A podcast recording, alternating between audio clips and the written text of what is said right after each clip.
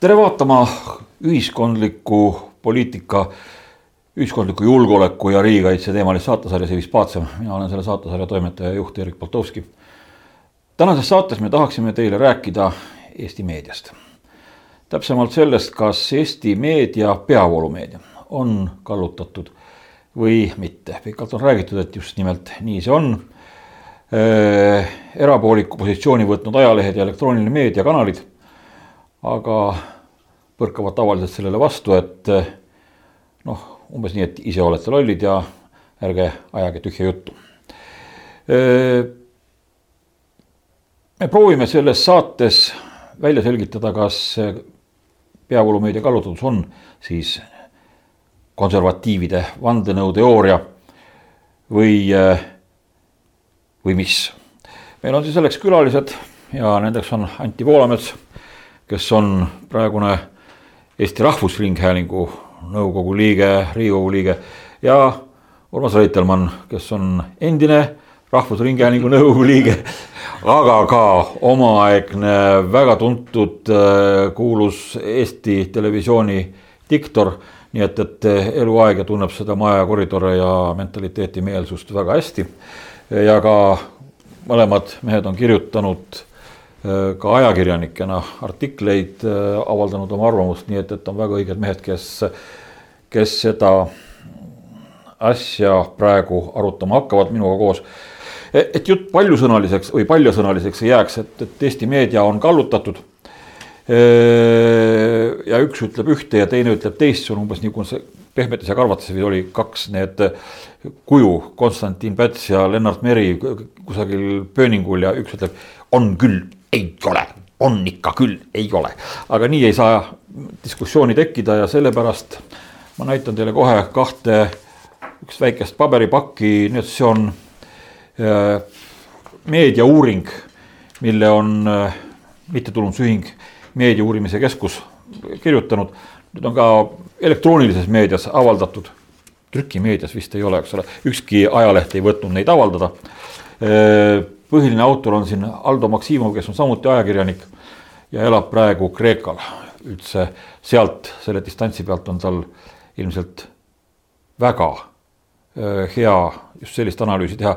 meid võib-olla segavad siin igapäevased poliitilised olud, aga, aga tema saab nagu väga sõltumatu ja, ja tasakaalukas olla selliste uuringute läbiviimiseks, eks ole, on mul õigus? ja, ja see on, see on üks väga tummine töö tegelikult ja väga hea kokkuvõte ja juba selle töö numbrilised näitajad on muljetavaldavad.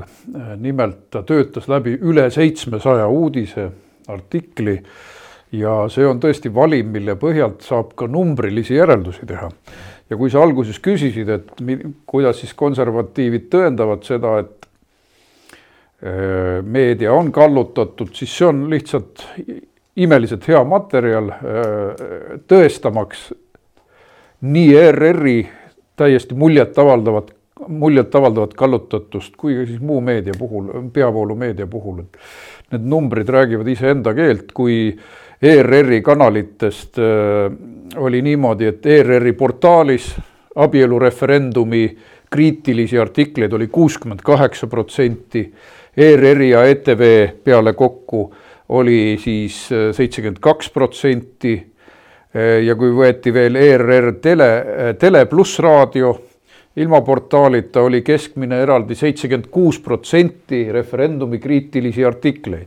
ja nüüd minnes järgmise liberaalide lipulaeva ehk Ekspress Meedia juurde, siis eh, imekspandavalt Maaleht, selles oli kaheksakümmend neli protsenti kriitilisi artikleid ja Eesti Ekspressi enda kaheksakümne kahe suhtes nii et ja EPL, mis on samuti Ekspressi all, oli siis seitsekümmend kaheksa protsenti referendumi kriitilist kraami.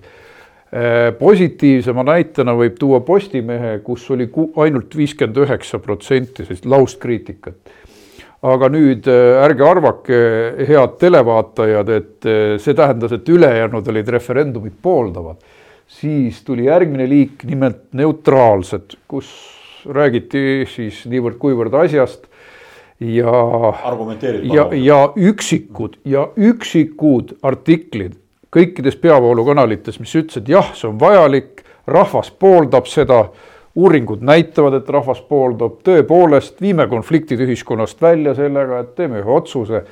et see on suurepärane indikaator, valedetektor, mis näitab tegelikult just olulistes küsimustes, et kuidas siis tuule nuusutamine käib ja kuidas, kuidas see mehhanism toimib vahel, kui mingi ebaoluline küsimus, nad võivad imiteerida rohkem demokraatiat, aga kui siis on mingi liberaalidele, vasakliberaalidele eluliselt tähtis, siis nad unustavad igasuguse sellise pinnapealse ajakirjaniku kihi ja muutuvad ideoloogia töötajateks. Ja seda me kõik siin viimase kolme-nelja kuu jooksul, mis, mis oli, mille aja jooksul abielureferendum oli üleval, saime ju meediast nagu nagu lennuki pardarelvadest kogu aeg tuld, et referendumit ei ole vaja, ta on mõttetu, ta on mingi EKRE projekt, keegi ei taha seda, selline sugereerimine, sugereerimine, sõimamine, irriteerimine, mastaapne infooperatsioon. ja kõige hullem, et selle infooperatsiooni lipulaevaks oli siis ERR, kes saab rahvalt palka, eks. ja, ja mitte keegi ei ole liigutanud ERR isegi ei avaldanud Aldo Maksimovi artiklit, kui ta tahtis seda detsembris sellele kriitiliselt tähelepanu osutada. et, et siis, siis, siis mul jääb sõnadest puudu ERR-i nõukogu liikmena, et et mulle nagu uue liikmena lendas see numbrijada lihtsalt näkku, et tegelikult ei ole mitte midagi tehtud selleks, et see asi oleks tasakaalus. ei ole ja, ja ei hakatagi mitte kunagi mitte midagi tegema, sellepärast et et puudub vastutus ja, ja see ongi kõige hullem, eks ole, selle, selle kohta on ju öeldud, äh, mis on Eesti riigi kõige suurem häda. Kõige suurem häda on, et edutatakse juhtima ebapädevaid inimesi ja mitte keegi mitte kunagi mitte millegi eest ei vastuta. ja sinu eelkäijana äh, Rahvusringhäälingu nõukogus äh, ma kiusasin juhatuse liikmeid kogu aeg, kes võttis vastu selle otsuse, kes on selle asja taga, miks on nii, miks on naa, miks te seda ei tee, eks, ja ja siis vastuseks on selline üldine mõmin, selline sumbumine, noh, kõik vaatavad teineteisele otsa häbi-punapalgel, eks, aga, aga vastuseid ei tule ja mitte keegi ei vastuta. ja, ja kõige hullem on see, et just selle teema käsitlemine oli olnuks, erameedia võib teha, mida talle omanikud ütlevad või, või, või mis, mis toimetusele meeldib ja õieti erameediat ju kamandab turundusdirektor kes ütleb, et oot-oot-oot-oot, meil on need kliendid, reklaamikliendid on äh, rahulolematud teie teemakäsitlusega, tõmmake nüüd tagasi või forsseerige. see, see on sellest kinni, seal, seal maksab raha. ERR-is on ainsa meediaorganisatsioonina talle mõeldud seadus, kes täpselt ütleb ja määratleb, mida tuleb teha, millised on need printsiibid, eks ole, programmi koostamisel, millised on need teemad, mida tuleb igal juhul kajastada ja, ja kuidas seda teha. Eks nad, äh, üks asi on hea ajakirjandustava, mis on äh, nagu kumminöör, eks ole, seda me näeme kogu aeg. Äh, ERR noh, sigatseb igapäevaselt ja, ja selle peale mm, meedianõunik või mis iganes nendel on seal mingisugune õigustaja, kes selle eest palka saab, ütleb, et ei, kõik on väga koššer, kõik on suurepärane, et see nii peabki olema, eks. ja, ja nad ei täida seda, nende jaoks on loodud seadus ja nad ei täida seda, eks ole, see on, ma olen, mina esitasin nendele küsimuse, et et te käitute juhatusele, esitasin küsimusena, et, et noh, te käitute täpselt niimoodi, et meil on parempoolne liiklus aga teie ajakirjanikud otsustavad mõningatel juhtudel, et eh, see ahistab mind ja ma tahan sõita vasakul pool teed. et kuidas see saab võimalik olla? lihtsalt tuli tuju, eks ole. Eh, tuli tuju ja mulle tundus, et nii on õige, eks. noh, ja nii on. Ja, ja noh, mina, mina väsisin sellest, Anti, sa väsid ka varsti ära. ma töötasin Eesti Rahvusringhäälingus, täpsemalt tol ajal oli ta veel Eesti Televisioon, raadio oli eraldi ja televisioon oli eraldi.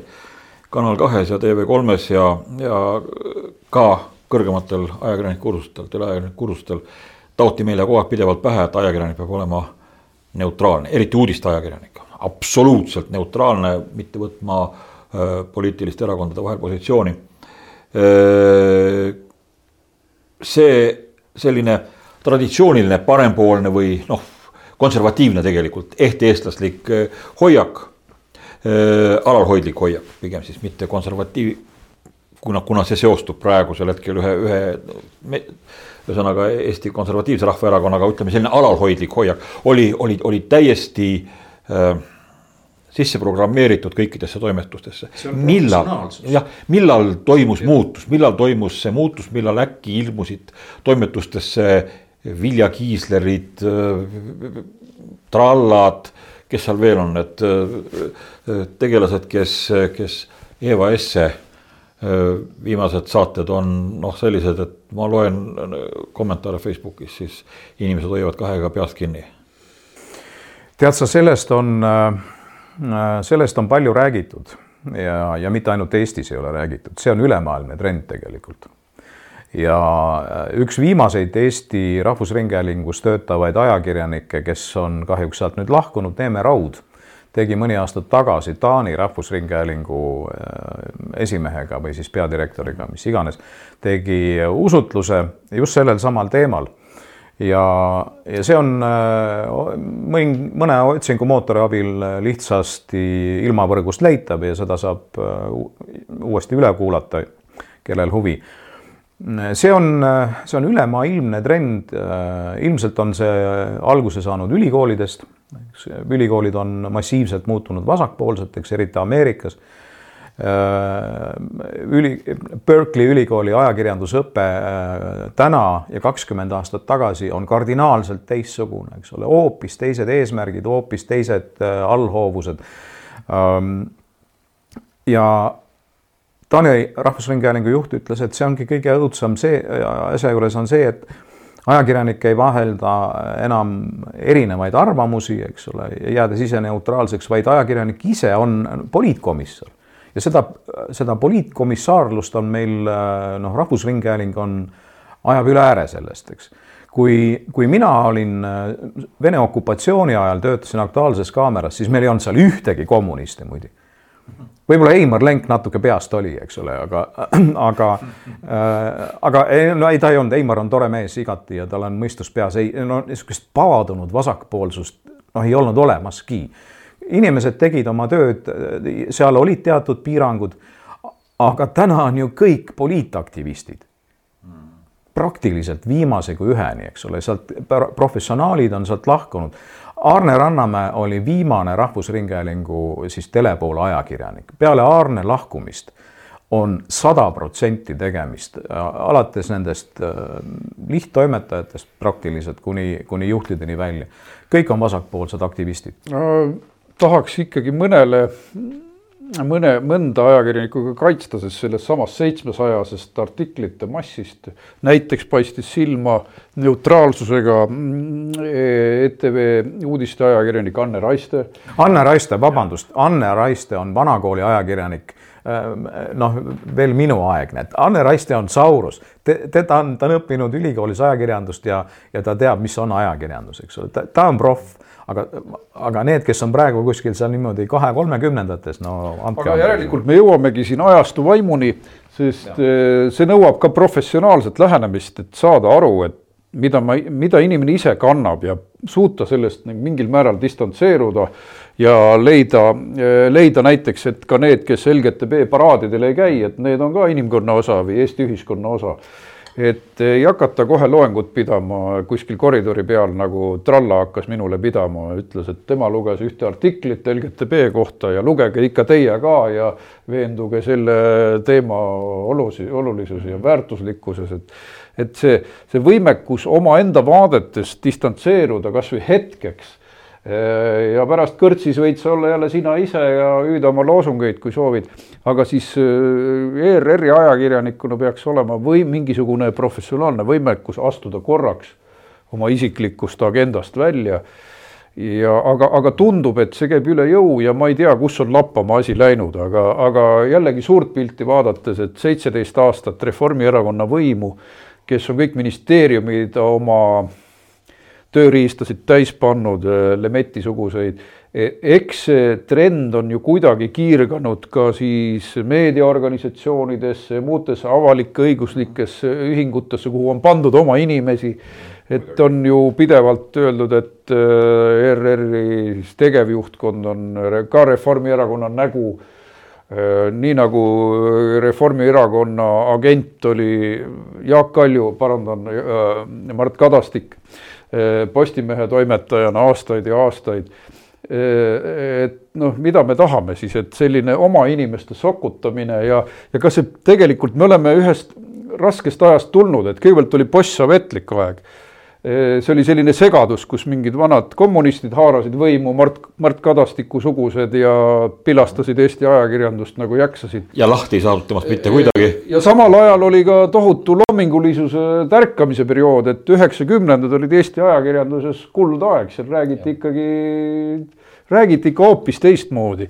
aga mida euromaks me oleme läinud seda nülitumaks, seda poliitkorrektsemaks, et see poliitkorrektne laine läheb üsna heas sünkroonis selle Euroopa Liidu, eh, Euroopa Liidus olemise ajaga. Ja nagu me näeme, et nüüd me oleme selles punktis, kus on vihakõneseadus, kus siis juba nähakse ette sinusugustele korralik suur suukorv võid oma koera, koera kapist juba võtta ja valmis panna. ja harjutada kandmist, jah et, et nüüd me oleme tõesti järgmises etapis ja, ja siin ütleme, viisteist aastat on olnud ettevalmistav periood, kus poliitkorrektse surve all või, või ka enesetsensuuri all on teatud teemad siis marginaliseeritud ja, ja tundub, et siis ikkagi see ühiskonna osa, kes ei osale LGBT paraadidel, ikkagi neid ei rehabiliteeri meie poliitkorrektne vasakliberaalne ajakirjandus, et.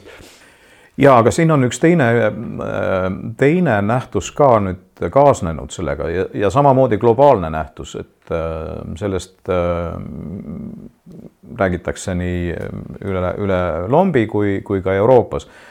Äh, inimesed on minetanud usu peavoolumeediasse ja läinud otsima alternatiive ehk siis kõik need ähm, noh, Eesti oludes siis äh, noh, kas äh, uued uudised või Objektiiv, et cetera, et cetera, või siis nagu Ameerikas või Epoch Times või, või, või mõned niisugused vabad organisatsioonid või siis natukene parempoolse konservatiivse ilmevaatega meediaorganisatsioonid koguvad järjest äh, populaarsust äh,. peavoolumeedia tarbimine väheneb ja seda vihasemaks nad muutuvad, seda, seda rohkem nad ennast üles kütavad. ja see, need, need asjad on omavahel seotud, nii et äh, noh, ütleme nii, et selle alternatiivmeedia tarbimine ei, ei pruugi alati kõige parem asi olla, sellepärast et no sa võid sattuda uskuma ka mingit noh, lamemaa teooriaid, eks ole. Youtube'is on ikka väga-väga drastilisi asju, eks ole, võib kuulata. just, et, et noh, et ähm, aga aga noh, eks see kõik mõjutab vastastikku, eks ja, ja mina arvan, et uskumatult head näitajad on muidugi äh, usaldatavuse koha pealt on Rahvusringhäälingul, ma, ma ei tea, noh, minu usaldus Rahvusringhäälingu suhtes on äh, miinusmärgiline. Äh, mina ei usku, ei usu mitte ühtegi sõna, mida nad seal räägivad, eks ole, peale ilmateate. aga, aga põhimõtteliselt on, on see niisugune konservatiivne otseütlemine see on äh, muutunud rariteediks, et paar päeva tagasi äh, lahkus äh, mm, Piers Morgan, Good Morning Britain saatejuht, siis meessaatejuht, lahkus pärast, pärast seda, kui ta tuli hommikul tööle, eelmisel õhtul oli Oprah Winfrey ähm, usutlus olnud prints Harry ja Meghan Markle'iga. Ja, ja ja, ja ta ütles, et ta ei usu seda naist ta ei usu seda hertsoginnat, see, see, see jutt ei ole adekvaatne, ta valetab, ta on näitleja, eks ole. ja, ja ta sattus, ta sattus niisugusesse raevu, noh, Morgan on, on mees, kes võib endale ju praktiliselt kõike lubada. aga muide, brittidel on seesama organ, mis on meil loomisel, ehk siis meedia järelevalve või tsensuuriorgan. läbi selle tsensuuriorgani tulid kümned tuhanded kaebused Meghan Markle'i fännidelt. Ja, ja Morgan astus ähm, direktorite kabinetti nõupidamiste ruumi ja kirjutas lahkumisavalduse, ütles mulle aitab, ma ei, ma ei viitsi teie nende lollidega siin jaurata. ja lahk-, lahkus ära, nii et noh te,, temal ei ole muret, eks ole, uute tööpakkumistega, küllap, küllap ta leiab, aga niisugused asjad on, on märgilise tähendusega, eks ole, ühel hetkel inimeste kannatus katkeb ka vaataja, lugeja kannatus katkeb ja ka katkeb ka nagu tippajakirjanike kannatus, eks. no kui sa oled kesk, keskpärane niisugune nagu Eesti Televisiooni propagand, propagandist, eks ole, siis noh nendel puudub ju eneseanalüüsivõime ka, eks ole, nende kannatus ei katke kunagi, nad ajavadki seda sodi suust välja, mida nad on kogu aeg teinud. Kusjuures teevad seda järjest ebaviisakamal moel ja, ja käituvad inimestega halvasti, eks. ja, ja ega neil ei ole kusagile minna ka, kui nad ühel päeval lahti lastakse, eks ole. kes neid tööle võtaks, kes võtaks tralla tööle, ma tahaks näha seda ettevõtet, ettevõtjat, kes ütleb, et kuule, Johannes, tule mulle tööle. Anti märkis siin ära vihakõne seaduse kavandatava selle kavandatava läbisurumise. Noh, sellest on nii palju juba meie meedias räägitud ka, et, et tegelikult isegi väga mõõdukad inimesed võtavad selle vastu juba sõna. neomarksistlik Euroopa Liit, no ütleme tõesti, Euroopa Liit on muutunud neomarksistlikuks. võtame kasvõi viimased sõnumid sealt, et kuidas katalaanidest saadikutelt võetakse ära saadiku puutumatus ja nii edasi ja nii edasi neomarksistlik Euroopa Liit ähvardab siis liikmesriike lausa sanktsioonidega, kui me vihakõneseadust vastu ei võta ja lisaks meedia siis sellele kõigele lisaks meedia vasakliberaalne kallutatus. ma väidan, et see on riiklik julgeolekuoht, kas ma eksin? muidugi, ei, sa ei eksi, muidugi on see oht. ma arvan, et see on oht see, see on oht, mina astusin välja, muide, ma ei ole seda kellelegi rääkinud, pärast prokuratuuri ja kapo korraldatud riigipööret lahkusin mina Kaitseliidust. kaitsku riiki prokuratuur ja Kaitsepolitseiamet. mina kaitsen ennast, oma kodu, oma lähedasi relvaga, kui vaja on, aga seda režiimi, kes riigipöörde tulemusel võimule pääses, mina ei kaitse. ja ma arvan, et minusuguseid kõhklejaid ja otsustajaid on, on veel.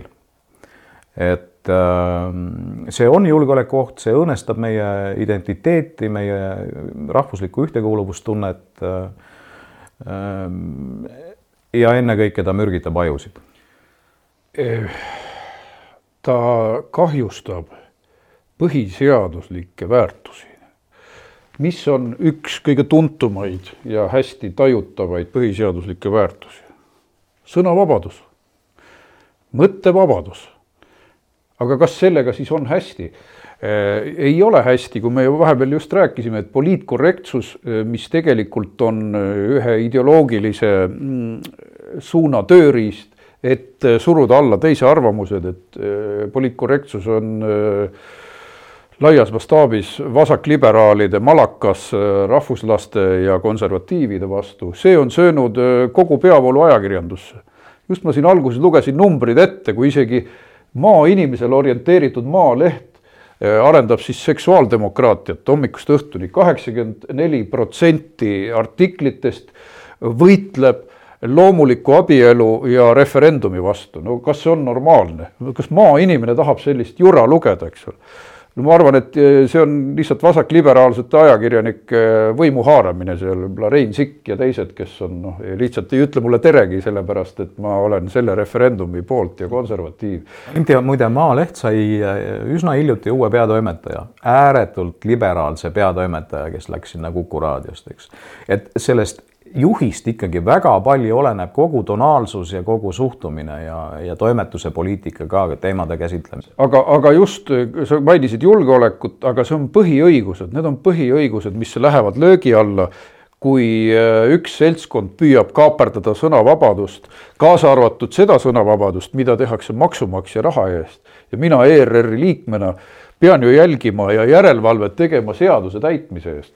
kuidas on täidetud seadus kui äh, olukorras, kus äh, kaks kolmandikku rahvast tahab referen-, äh, tahab seda referendumit, tahab sellel referendumil veel jah hääletada, kus üle kaheksakümne protsendi inimesi tahab üldse rahvaalgatuslike referendumite seadustamist, siis äkki ilmub välja siis meie raha eest tehtud meedia, kes peaaegu kaheksakümneprotsendiliselt tegeleb siis nii-öelda vasakliberaalse kesknädala tegemisega see, see on meie raha eest ja nad ei tee teist nägugi, nad isegi ei avalda kriitikat ERR portaalis, kes on numbriliselt paika pannud selle. enam ei saa vastu vaielda, eks ole. et, et see on laus propaganda eh, ja, ja see ongi selle asja apogee, et, et meil on numbrites kirjas, et kui tuli selline tundlik asi lauale, mis on vasakliberaalidele tähtis, siis nad lihtsalt viskasid oma jaki seljast, ajakirjaniku jaki seljast, käärisid käised üles ja läksid läksid tegelikult meeleavaldusele, et ERR tegeles meeleavaldusega.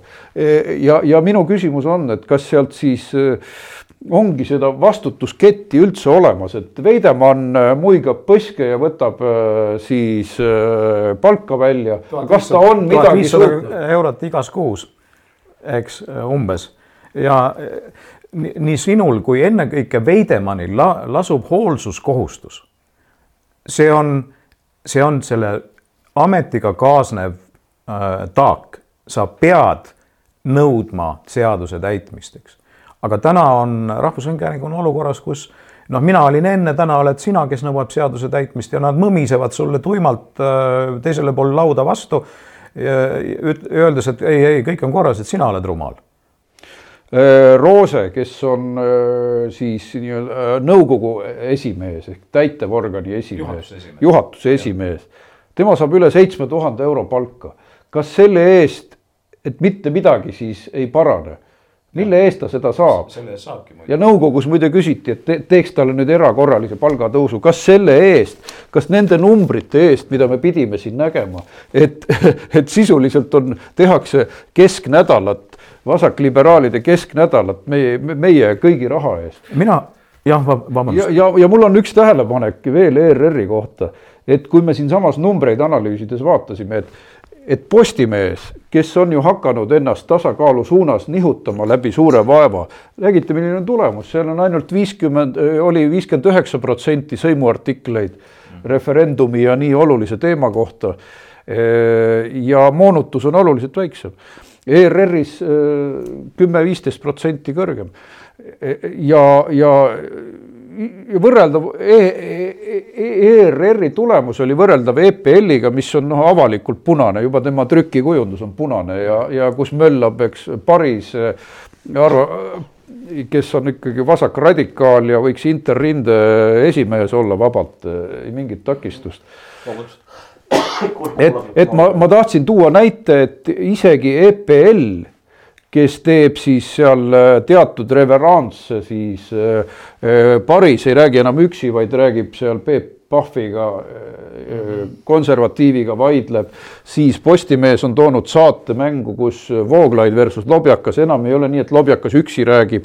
ehk see on ka, seda on ka huvitav jälgida, et on, on toimunud mingisuguseidki väikseid sammukesi tasakaalu suunas, aga tooge mulle siis näide, kus need EPL-i parandan, ERR-i äh, konservatiivid on, et Indrek Kiisler kommenteerib, aga tema on äh, vasakliberaalse positsiooni peal alati.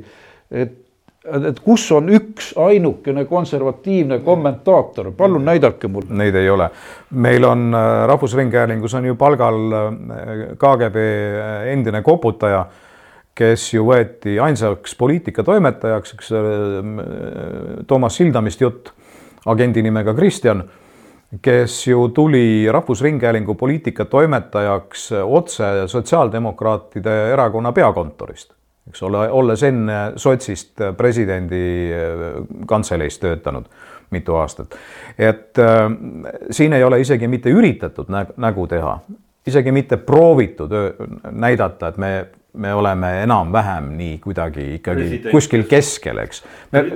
padupunane toodi äh, asju selgitama Eesti rahvale president, kes pööras parempoolsete erakonna üleöö sotsiaaldemokraatideks aga, parempoolsest vasakpoolsest, silda... väga, väga oluline tähele, tähendab moment oli aastal tuhat üheksasada üheksakümmend üheksa lõpus, kui see asi toimus. ja, ja see on üks, üks kõige kurioossemaid aadete, aadetele kindlaks jäämisi nimetame siis niimoodi Eesti poliitikas, Eesti erakondade ajal. kui juba Sildamist juttu oli, siis ma kasutan uuringu andmeid, et siis äh, Aldo Maksimov, kes tegi ka siis sõnalise kokkuvõtte ja muide saatis ka ERR-i toimetajatele ja juhtkonnale selle sealt ei ole piiksugi tulnud selle peale, mitte piiksugi.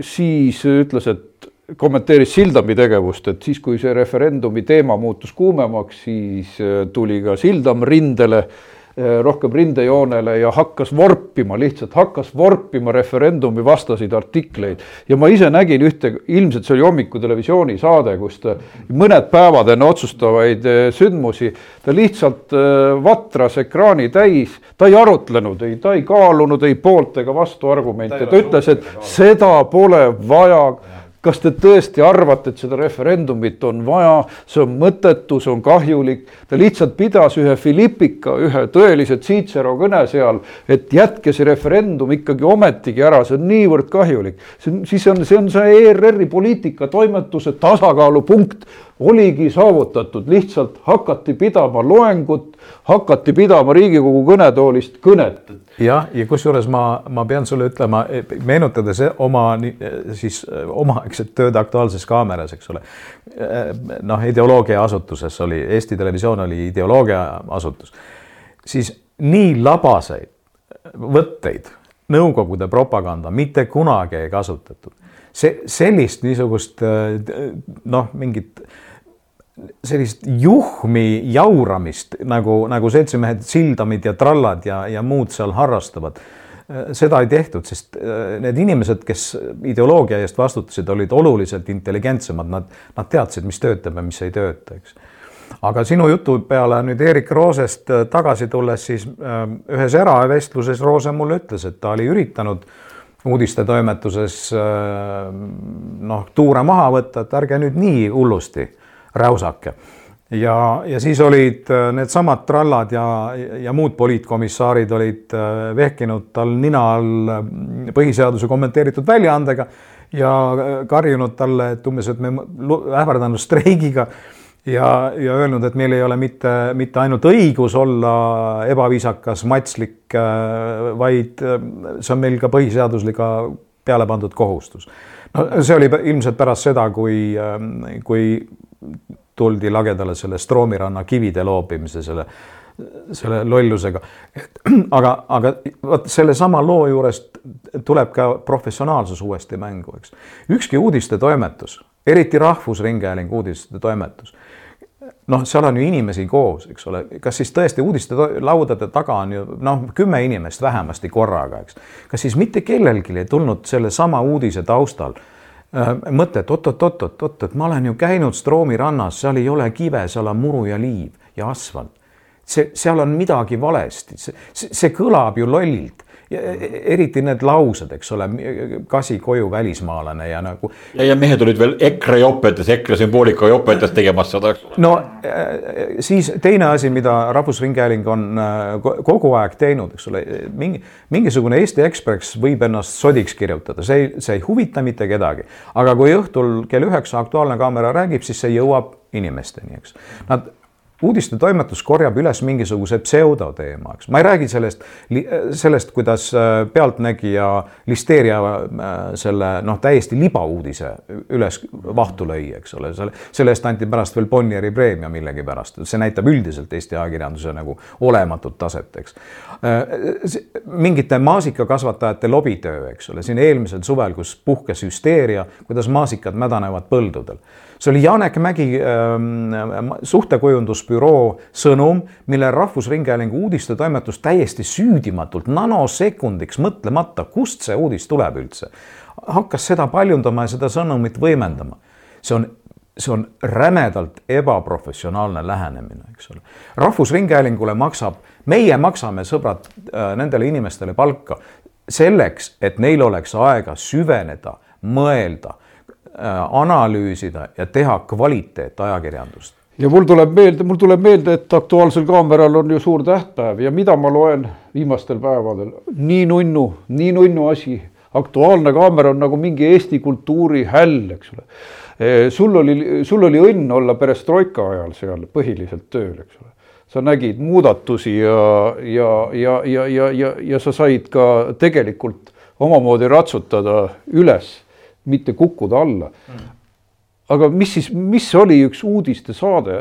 Range tsensuuriga kusagil kuuekümnendatel, tsensorid jooksid edasi-tagasi, Lenk on rääkinud, kuidas Moskva kinnitas iga lause, et kuidas kassetid vaadati läbi viimase terani, eks ole, et kas nad tsensuurist ka räägivad või õhkavad ja räägivad, nagu oleks siis see nunnu nõukaaeg, nagu meie kodanik Marju Lauristin räägib nunnust nõukaajast, et, et et, et tundub nagu räiget okupatsiooni ja totaalset tsensuuri poleks olnudki. Klavlitt töötas kuni kaheksakümne kaheksanda aasta lõpuni peaaegu. ma mäletan oma õppimisajast, kuidas äh, vaatevinkli toimetus jooksis äh, tekstide ja, ja kassettidega raadiomajas asuva äh, pealiteraatori klavliti juurde. aga nad olid toredad tädid, nad olid hästi sümpaatsed inimesed ja nemad jälgisid muide kõige suurema tähelepanuga, et ei oleks mingisuguseid noh, riiklikku sõjasaladusi, mingisuguseid, no ma ei tea, lennuvälja, Tapa lennuväljadest mingit äh, videot ja ja, ja noh, ja muid niisuguseid asju. aga tegelikult ega keegi ju ei öelnud äh, nõukaajal ka, äh, et seda sa tohid öelda, seda sa pead ütlema ja seda sa mitte mingil juhul ei tohi öelda, eks. sellist tsensuuri ei ole ei olnud, mina küll ei mäleta, et keegi oleks öelnud, mina olen ühe korra käinud vaibal äh, Enn Anupõllu juures, kes oli suurepärane telejuht ja professionaal ja, ise väga hea ajakirjanik ühe oma, oma lausungi pärast, kus ma ütlesin noh, saatekava tutvustasin, et nüüd järgmisena näete Ida-Saksa sõjafilmi ja siis irvitades Enn Anupõld ütles, et meil ei ole Ida-Saksamaa, meil on Saksa Demokraatlik Vabariik ja see oli ka kogu lugu, mitte keegi mitte kunagi mingit survet ei avalda. aga usu mind, et see kon-, see konsensustrants, et kus on piir ja kust hakkavad käerauad, see pidi ikka kuklas nii selge olema, et polnudki vaja arutada, et seda me enam ei saa teha. ehk eh, kui Tiit Madisson läks oma kümne lendlehega kusagil liikuma, siis oli ju mm, trellid trellid paigas või kui keegi oleks ikkagi kuskil nähtamatu piir, mida te teadsite, pidi olema? no ja, ja muidugi on, aga, aga see piir on ju ka täna, et äh, kui meil oli augustikuus oli näiteks Tallinnas elumarss, siis äh, millele Rahvusringhääling siis äh, uudistekajastuses reageeris, olid portaalis avaldatud neliteist fotot Vabaduse väljakul on suur üritus, sajad inimesed äh,, räägitakse, peapiiskop on kohal, poliitikud on kohal. helge üritus ilusa, ilusa mõttega elu pühadusest ja elu, elu säästmise vajadusest, eks. hea eesmärgiga, neliteist fotot portaalis, kõik rohkem, aga kui on mingisugune pedeparaat kusagil, eks ole, siis, siis on ajakirjandus on noh, ajakirjanikke on rohkem kui neid äh, liputajaid seal tänavatel. kui sa seda mainisid, siis äh, sinu lemmikajakirjanikud Ringvaatest äh, ka nende teemal äh,, teemat käsitles mm. uuring, see ei ole lihtsalt arvamus, vaid ja. uuring et, et millise kirega kutsuti sinna siis äh, referendumi eelsel, äh, referendumi otsuse eelsel perioodil, et mhm. kõikvõimalikke vähemuslaste ja esindajaid. Kõikvõimalikke, et see, see oli, see oli nagu mingisugune karneval seal. no mitte ainult enne referendumit, aga Sodoomiat on nad propageerinud kogu aeg, eks ole, ja nüüd Ähm, harimatusest rääkides, siis, äh, siis nad vihastasid sõna minu kasut-, keelekasutuse pärast, et sodoomia. sõbrad, kultuurimarksistid, äh, lugege Oxfordi ja Cambridge'i sõnastikke, et saate sealt teada, mida tähendab sõna sodoomia. ja ütlen ühte asja veel, sõna sodoomia ei ole homofon. Ja nüüd mõelge, mis asi on homofon, otsige. aga need, äh, miks me nii palju seda teemat siin märgime, kuigi on väga palju kallak kallakuga seotud teemasid, mida võib välja tuua, on ikkagi see, et meil on uuring laual, mis tõestab numbriliselt asju. ja teiseks, et eh, sellest sündmusest ei ole just palju möödas ja see lõppes ju riiklikult äh, üliolulise sündmustikuga, et tõepoolest äh, uurimisorganid sekkusid üsna brutaalselt demokraatlikku protsessi ja praegu jääb mulje, et nad tekitasid oma uurimi-, et uurimine ei tohiks olla ju selline, et siis uuritav ära sureb selle kätte, eks ole, on ju, et ta peaks saama vangi panna ja kõik. et nende uurimusprotsessi, uurimise, uurimise algatus korruptsiooni osas tappis tegelikult üle seitsmeteistkümne aasta ühe väga tähtsa maimukese ära, nimelt otsedemokraatia maimukese beebi, mis oli väga raskelt äh, kasvanud ema kõhus aastaid ja aastaid. ka EKRE oli seda ajanud aastaid ja aastaid, ta suut-, suutis ära veenda Keskerakonna ja Isamaa, nii et kolm Eesti äh, erakonda, kes olid sellega päri ja kaks kolmandikku elanikkonnast see lihtsalt tõepoolest toimus üsna brutaalne abort ühele ülimalt suurele tähtsale demokraatlikule protsessile. no sisuliselt oli ju riigipööre. ja, ja, ja me, ja me kir-, ja me kirjeldamegi neid äh, kaasusi, kuidas siis sellele katet juba enne seda sündmust tehti. kui oleks tulnud referendumi kampaania oi, andke armu, siis oleks tõusnud need näitajad üheksakümne, üheksakümne viieni, need propagandanäitajad. ja, ja ma tahtsin ühe mahlase näite tuua veel sellest, kuidas Eesti Ekspress tegi siis pehme jõuga katet sellele äh, LGTB poolele. oli nii, et naiste ajakirjades hakkasid ootamatult ilmuma tohutult kiitvad äh, lood. Äh, Piller ja Haaber oma lummavas äärberis oma maimukesega, siis oma ostetud lapsega. mida, mida mitte ükski ajakiri ei ole öelnud, min-, mina ei ole leidnud ühestki, et tegu on Eesti Vabariigis kriminaalse teoga laste ost on Eesti Vabariigis keelatud. Nad saavad seda presentatsiooni teha ainult sellepärast, et nad ostsid teisest jurisdiktsioonist. aga Eesti ajakirjandus tormab ülistama sedasama asja kõikidel esilehekülgedel, kõige mahlasemate väljenditega. see, see minu, mina tunnen, et noh, nagu midagi murdub minu sees, et, et kuhu me oleme jõudnud, et kas see ongi see reaalsus, kus me oleme? Eestis ostetakse, müüakse uuesti inimesi. ja aga rah- äh,, Rahvusringhäälingus äh, mina puutusin veel kokku enne, kui, kui ma seal kõigiga äh, hüvasti jätsin äh, ühe looga, kus üks ema, kes oli mingil meeltesegaduse ajendil äh, olnud siis nii-öelda doonoremaks äh, ühele glamuursele homoseksuaalile, väga tuntud inimesele Eestis. Ja, ja siis see homopaar hakkas neid lapsi eksponeerima kui enda lapsi, eks nad, nad olid siis üks nendest oli bioloogiline isa tõepoolest. Äh, aga, aga eksponeeriti neid kui äh, noh, siis härra ja härra ühist äh, seda. Ja, ja ema, kes vaatas seda murega pealt ja saades aru, et lapsed jõuavad kooliikka, ei tahtnud enam sellist ekspositsiooni lubada, sai isegi kohtuliku kaitse. kohus ütles, ilma ema nõusolekuta ei tohi lapsi eksponeerida tulevikus, eks.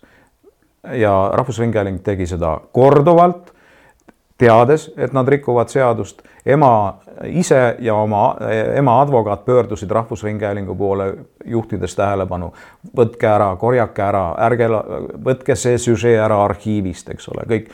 ja Rahvusringhäälingus siis äh, kõik kehitasid õlgu, ütlesid, et aga see on väga okei okay., see on väga inimlik. täiesti võimatu kohtuotsus ei loe Rahvusringhäälingule mitte midagi. kuule, ma ei saa, ma ei saa mainima jätta, jätta seda täielikku lati alt läbijooksmist, mida tegi Pealtnägija. ta, eh, Sildarude loo eh, kollase ajakirjanduse ventilaatorisse laskmine. Eh, siis ma tundsin, et siis, et noh, nagu, nagu saavad sõnad otsa, nad teevad ja mitte ühtegi äh, nagu enesekahetsust, mitte ühtegi enesekriitikat, mitte ühtegi näpule, näpuvibutust, et, et, et mis toimub, et Kroonika ei tee ka nii halbu lugusid nagu see, kus lihtsalt lennati peale ja hakati klaarima peresuhteid kõige räigemal moel, tegelikult jõuga kangutati veel, lisati õli tulle, kangutati tegelikult isa ja poja poolt ja ema ja tütre poolt, lasti see kõik ventilaatorisse ja Toomas Annuse kiskumine veel äh, suusakoondise doping, dopinguloosse oli, oli samamoodi pahatahtlik, see oli selle äh, mis see on, see Kärmas vist on ta nimi, eks ole, see, selle tüübi isiklik vendeta Annuse suhtes, eks. Kärmase aastate tagune vimm, mille ta, vaat Rahvusringhäälingu töötajad ei saa oma isiklikke suhteid klaarida läbi eetri, eks ole, oma meeldimisi, aga seda tehakse massiivselt ja, ja Eesti äh, suusasport kaotas hunniku raha nüüd Lähme sisulise selle näidetest, näited olid väga head, aga lähme nüüd selle sisulise külje juurde tagasi, et, et mida siiski teha, et, et, et Eesti peavoolumeedia, sealhulgas Eesti Rahvusringhääling, taas tasakaalu viia, peavoolumeedia iseennast aidata, me näeme, ei taha no ikkagi tahab, Postimehe näide on ikkagi see, et kui ta ikka väga lappasse läheb, siis ta kistutakse uuesti tee peale tagasi, eks ole, et, et noh. no see on, ta on küll, ta on eraõiguslik äh, äh, ajaleht või no seal on rohkem, see on äh, meediakonglomeraat tegelikult. meediamaja moodsa nimega, jah. ilmselt siis reklaamiandjad ja, ja, ja mingisugused nõuandjad nõuavad seda äh, Postimehe käest, on teinud märkusi vähemalt kusagil. Eesti rahvusringhäälingu puhul on sellised asjad, nad ju ei sõltu äh, reklaamiandja rahast, nad ju võtavad oma sissetuleku riigikassast. ja, ja noh, see nelikümmend miljonit igal aastal, eks ole, mis, mis riigikassast neile eraldatakse ja ja ega seal ju mingit muret ei ole, seal on ju juhatuse liikmetel on küll tähtajaline tööleping, Roose teab ilmselgelt, annab endale aru, et teda enam tagasi ei valita juhatuse esimeheks Äh, noh, koos, koos temaga lahkuvad ka teised juhatuse liikmed suure tõenäosusega.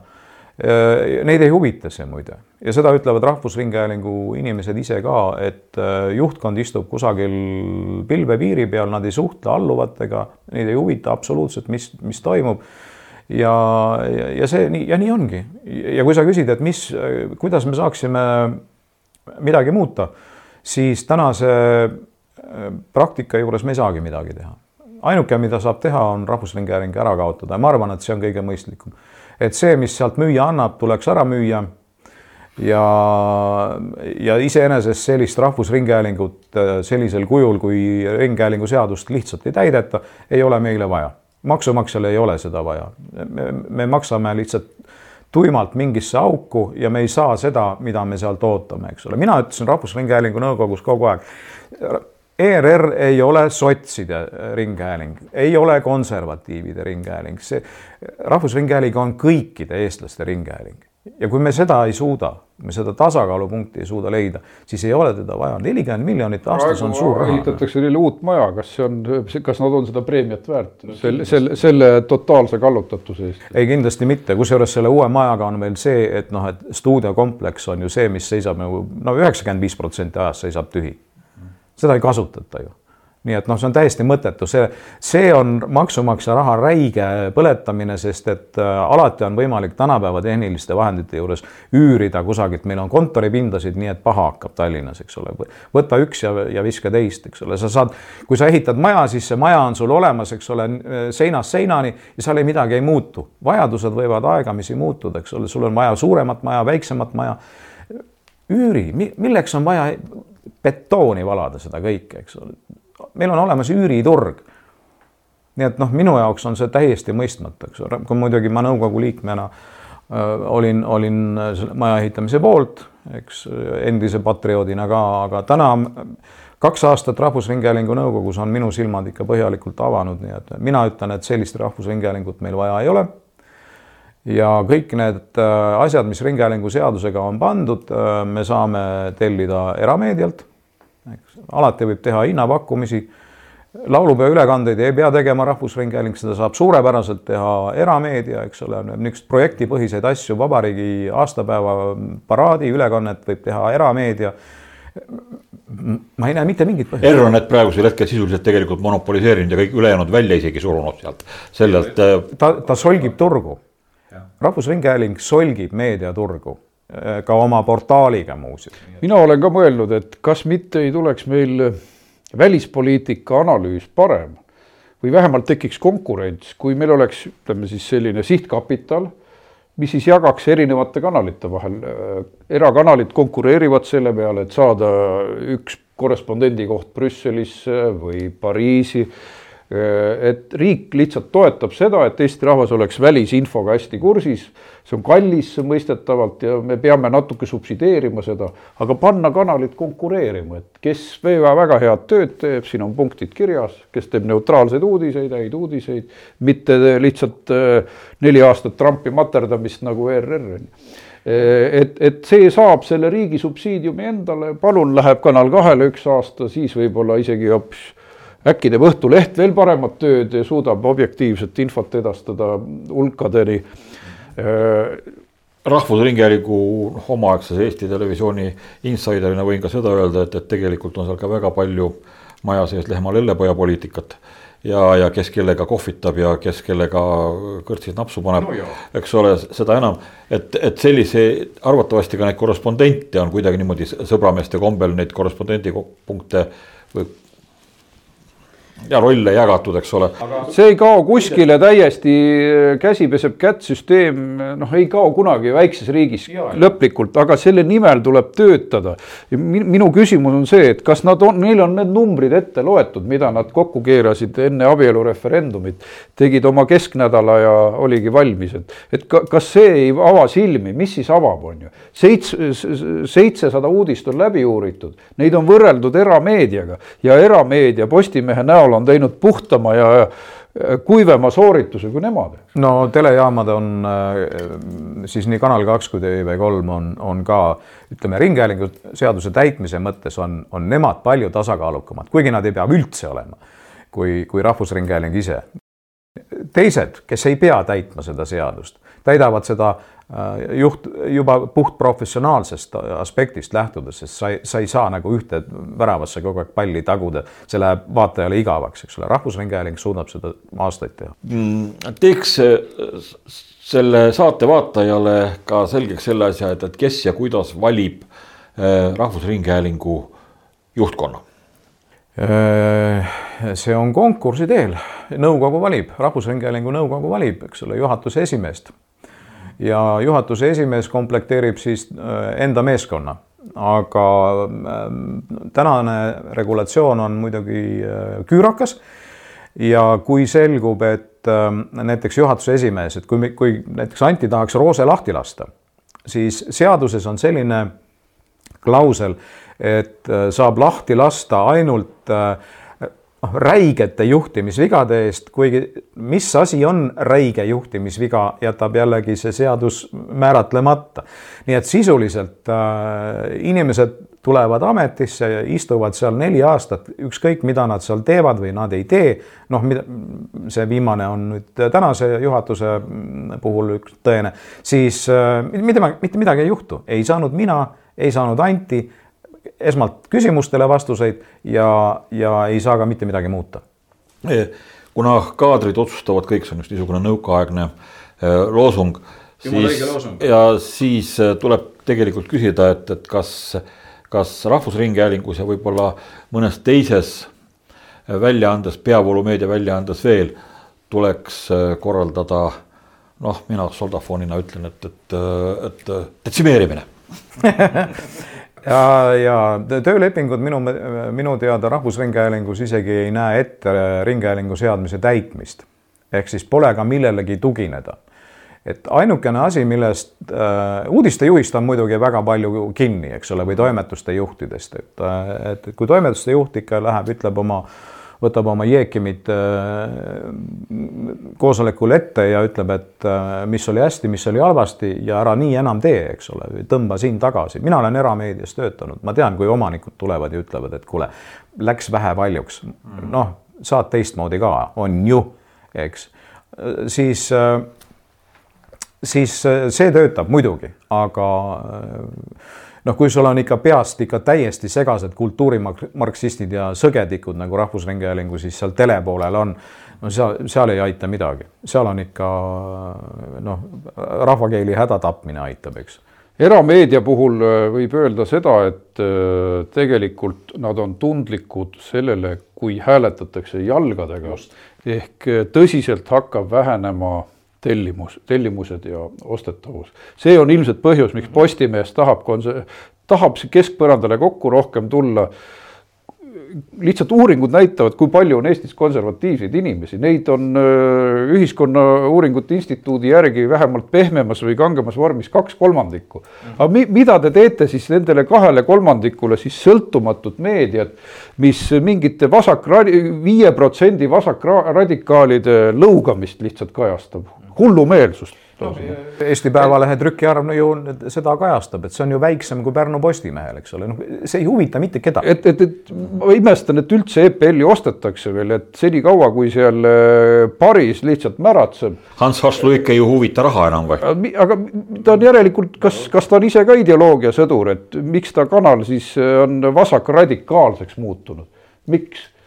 see toob klikke see toob klikke, klikk, iga meie kliki taga, kui, kui inimene on nõrk ja läheb näiteks Delfi äh, portaali äh,. mina ei ole seal juba mingi oma kümme aastat käinud, eks, aga, aga iga klikk on äh,, omab teatud äh, rahalist vastet, see on mingi null koma null null null mingit eurosenti aga seda käiakse välja ju reklaamimüügina. aga, aga siin ma näen hoopis seda tendentsi praegu, kuna me istume ka konservatiivse meedia stuudios, meil on väga edukas kanal Objektiivi näol, et toimub sama protsess, mis äh, vanal heal Inglismaal, seal on ajaleht nimega Telegraaf, mida mina loen suurima naudinguga ja see on konservatiivne, konservatiivseid sõnumeid ja siis on hulk liberaale aga ei saa öelda, et Telegraaf poleks edukas, et ta on ikkagi väga hästi ostetud, väga hästi loetud leht, leht tuleb omadega toime.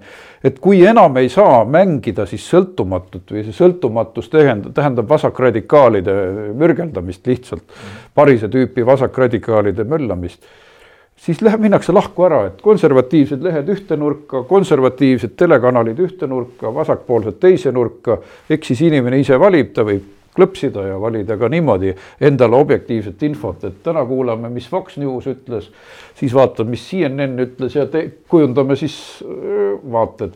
et see on üks suund, ma arvan, mis, mis on reaalselt toimunud, selle, sellepärast me siin stuudios istumegi, kuna see meediamoonutus läks nii räigeks äh, rahvuslaste ja konservatiivide suhtes et tõepoolest pidi asutama Uued Uudised, pidi asutama ka selle kanali ja samal põhjusel tekkis Objektiiv, et ei olnud mõtet enam minna kerjama Parise arvam-, arvamusrubriigi juurde, et äkki sina ka mind avaldad. sest näiteks minu artiklit referendumi teemal, isegi siis, kui ma olin põhiseaduskomisjoni esimees, kirjutasin küll nii tasakaaluka kui võimalik, aga Postimehe arvamustoimetus igaks juhuks ei avaldanud. Öeldes, et meil on juba liiga palju konservatiivseid.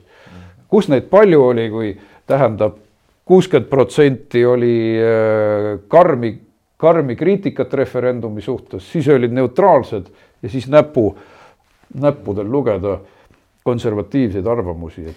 nojah, aga maailm on ikka hulluks läinud, sest äh, kasvõi Ameerika meedia näiteks äh, presidendi valimiskampaania ajal siis äh, Trumpi suhtes neutraalne või, või pigem positiivse hoiakuga oli kuus väljaannet terve suure Ameerika peale, eks ole, no ülejäänud tamp, tampisid ikka ainult ühte, ühte ja sama juttu ja, ja sama asi on ikka Eestis ka, et eks me, me kipume ikka väga meelsasti üle võtma neid totrusi, just neid rumalusi, mis sealt Ameerikast tuleb. vaatame seda Eva Esse saadet, mis tuli hiljuti, et. Õnneks ma ei vaata nüüd. see, mind kutsuti kohe seda vaatama, et vaadake, kuidas tehakse halba ajakirjandust ja ma võtsin ennast kokku ja vaatasin ja oli tõesti väga halb ajakirjandus ja ja, ja selle kohta kirjeldas siis äh, Peeter Espak, äh, et, et see on USA-st üle võetud formaat, mille ainuke eesmärk on teha sellist äh, peksu mm, -hmm. puhas laen. aga Eesti lihtsalt laenabki ideoloogiaid ja minu meelest me oleme liigagi palju sellist. Venemaal karjutakse stuudios üksteist lihtsalt üle Neil neil on hästi populaarne see formaat. liigagi palju kolonialismi igas eluvaldkonnas, enese koloniseerimist, et me ei austa iseennast, me vahime kogu aeg kuskile mujale. suudleme kätt ei tea kellele, eks ole, et see on, see on see Eesti suund ja imetlus endast kaugemate, jõukamate pere, niisuguse peremeeste suhtes on, on paraku kurvalt veres jah, siinkohal näiteks Vene, Vene meediast Ivan Makarov, üks parim Eestis tegutsev ajakirjanik üldse, eks ole, kirjutab Vene meediast hoopis teise pilgu läbi, kui, kui meie seda teame, sest mul on küll kodus mingi kakssada Vene kanalit, eks, aga ma ei, noh, mul lihtsalt ei ole aega neid vaadata. Aga, aga ta just võrdleb Eesti ja Vene meediat, ma mäletan ühte, ühte tema artiklit hiljutist umbes kuu aega tagasi ja, ja ma sain aru, et äh, Vene meedia on oluliselt vabam, objektiivsem ja, ja kindlasti noh, andekate inimeste talentide poolest nagu mõõtmatult rikkam kui, kui see Eesti konnatiig. saja neljakümne miljoni seast on ikkagi võimalik valida palju paremaid, palju targemaid jahutuid, eks ole. selle artikli osas ma lugesin seda küll, aga ma ikkagi äh, olen eriarvamusel äh, selles osas, et võib-olla mis kultuurisaateid ja seda puudutab, siis on, neil on, on mida valida, eks ole no,, suure riigi peale, aga aga see, et seal on telekanal Dost, ei tähenda veel, et selline hiiglaslik riik oleks vaba meediaga, eks ole. et sellest on valgusaastate kaugusel. aga, aga ma tahtsin ERR-i kohta ka öelda, et mis on tema võimalus enese analüüsiks, ongi sellised põhjalikud päris uurimused, mitte takkakiitmised. aga nendest uurimustest tuleb ka järeldusi teha, vaadata endale näkku ja kui vaja, siis tehku kaadrimuudatusi või, või vaadake. sa ei saa teha sa ei saa teha. Äh, isegi kui Rooset tahaks äh, Sildami lahti lasta, siis Sildam läheb ja jaurab järgmised kümme aastat kohtus kusagil vot see on siis nagu ametkonnaga, et see, see äh, ametkond ei vastuta ka ju, eks ole, kui ta just kuritegu toime just. ei pane, teeb halba tööd, siis ta tiksub edasi, ütleb, et miks ma ei või halba tööd no teha. täpselt, see on nagu meie õnnetu praegune valitsus, me oleme katastroofi äärel, eks ole, tervishoiukriis ja inimesed surevad, inimesed, valitsuse tegemata jätmise eest maksavad inimesed eludega, mitte midagi ei ole teha. Lähme ringiga alguse juurde nüüd tagasi saate lõpetuseks, et Aldo Maksimov kirjutab selles samas mittetulundusühing Meedia Uurimise Keskuse äh, Eesti meedia uuringus. et äh, alustuseks oleks meile isegi see hea, kui, kui meie meedia tasakaalustatus oleks kasvõi näiline. saame aru, et saatejuhid ja ajakirjanikud on ka inimesed, nendel on oma poliitilised vaated ja nii edasi, nii edasi. kuid tõsta nende professionaalsus sellele tasandile et nad kasvõi näiliselt suudaksid tagada avaliku diskussiooni. kas meie Eesti riigis on praegu võimalik poliitiline avalik diskussioon liberaalide, vasaklaste ja konservatiivide vahel taastada? see on inimesest. tuleb kodusõda? Äh, ei noh, kodusõda ei pruugi tulla, aga, aga see oleneb inimesest, et ähm, noh, Arne Rannamäe suutis seda ja kui, kui tekib uus Arne Rannamäe, siis, äh, siis on võimalik seda diskussiooni tsiviliseeritud moel ka pidada, eks, aga, aga niikaua, kui noh, kui, kui ikkagi on niisugune poliitiliselt laetud ja ideoloogiliselt niimoodi suunatud äh, propaganda, noh siis, siis seda diskussiooni ju ei teki, kui üks peab kõnet, teine peab siis ju ala, alandlikult kuulama, nii et äh, see on professionaalsusest kinni, eks puhtalt professionaalsused. Eesti, Eesti ajakirjanduse kuldajad olidki just siis, kui see Vene okupatsioon lõppes, eks ole, mäletate, kui toimetused ostsid, lehetoimetused ostsid üles väljapaistvaid kultuuriinimesi, kes äh, kirjutaksid kolumne. Enn Soosaar kirjutas, Kross kirjutas, eks ole, nädala lõpu ajalehed olid nii paksud ja värvilised, eks ole, Eesti Päevaleht kuulus Jaan Manitskile, eks ole, siis see oli veel päris päevaleht, mitte niisugune mülgas, nagu ta tänasel päeval on. see oli minu lemmikajaleht tol ajal. just, just, et äh, on küll võimalik, aga mm, tänasel päeval mina küll seda valguskiirt kusagil ei näe, eks ole. Eesti Televisiooni kõige paremad, vabamad ajad olid üheksakümnendate aastate algused. mina tahaks ka nostalgilise pilgu visata üheksakümnendate keskpaika, ütleme siis, kui ajakirjandus oli jalad alla saanud ja siis räägiti kõigest räägiti innukalt, äh, energiliselt ja ei olnud poliitkorrektset äh, silmasidet ees. aga muidugi on kõik võimalik, see sõltub tahtest. kui see tahe oleks, siis äh, ERR-i toimetajad saaksid öelda, et kuulge, sõbrad, vaatame nüüd seda uuringut, millega te hakkama saite, et teil on võimalus nüüd proovida paremini. aga kas nad teevad seda? ja erameedias ma ei ole lootust maha matnud, sellepärast et see tuleb nii piinarikkalt küll, aga Postimehe areng on olnud positiivses suunas. ja küllap neid eh, kõige rohkem mõjutab alternatiivmeedia ja sellepärast ma soovin edu ja veel kord edu alternatiivmeediale. see on võib-olla ainukene, kes paneb eh, peavoolu natukene oma tagumikku toolilt püsti tõstma ja siis vaatab, et ma, me ei taha kõikidest äh, lugejatest ju ilma jääda, vot sellepärast. see surve on täpselt nagu Soomes, et äh, kuidas oli selline omapärase nimega nagu MV Lehti oli vahepeal mm, -hmm. mis hakkas rääkima multikultuurist, multikultuurilisest kuritegevusest ja muust otsesõnadega. aga ta oli esimene ja pärast kasvas nagu seeni neid lehti, peavool hakkas rääkima julgemini, avameelsemalt. et oli vaja ühte julget kanalit aga nüüd me oleme olukorras, kus vihakõneseadus võib kõik selle ilusa mõtte nullida, sest äh, see on räige asi ja ma näen, et tegelikult samad vasakliberaalid eh, Eesti ajakirjanduse tornides hõõruvad rõõmust käsi, et lõpuks ometi me saame kaelast ära selle nõmeda vaidluse, kus üldse Reitelmanni ja Poolametsaga peab vaidlema, sest me saame nad lihtsalt kinni panna ja rahu majas. maha vaigistada, uued uudised trahvida või sulgeda, objektiivi trahvida või sulgeda.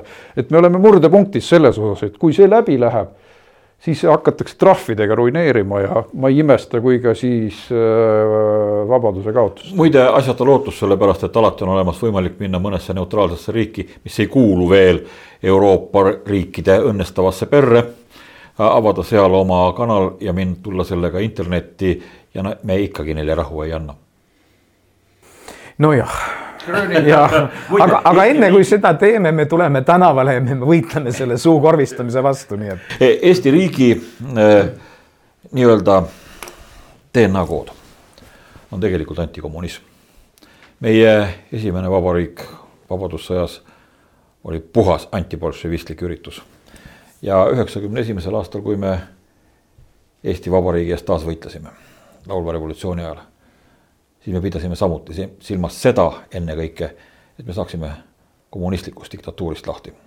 kui Euroopa Liit hakkab uuesti muutuma marksistlikuks, neomarksistlikuks, siis me peaksime tunnistama, et me oleme oma võitluse kaotanud.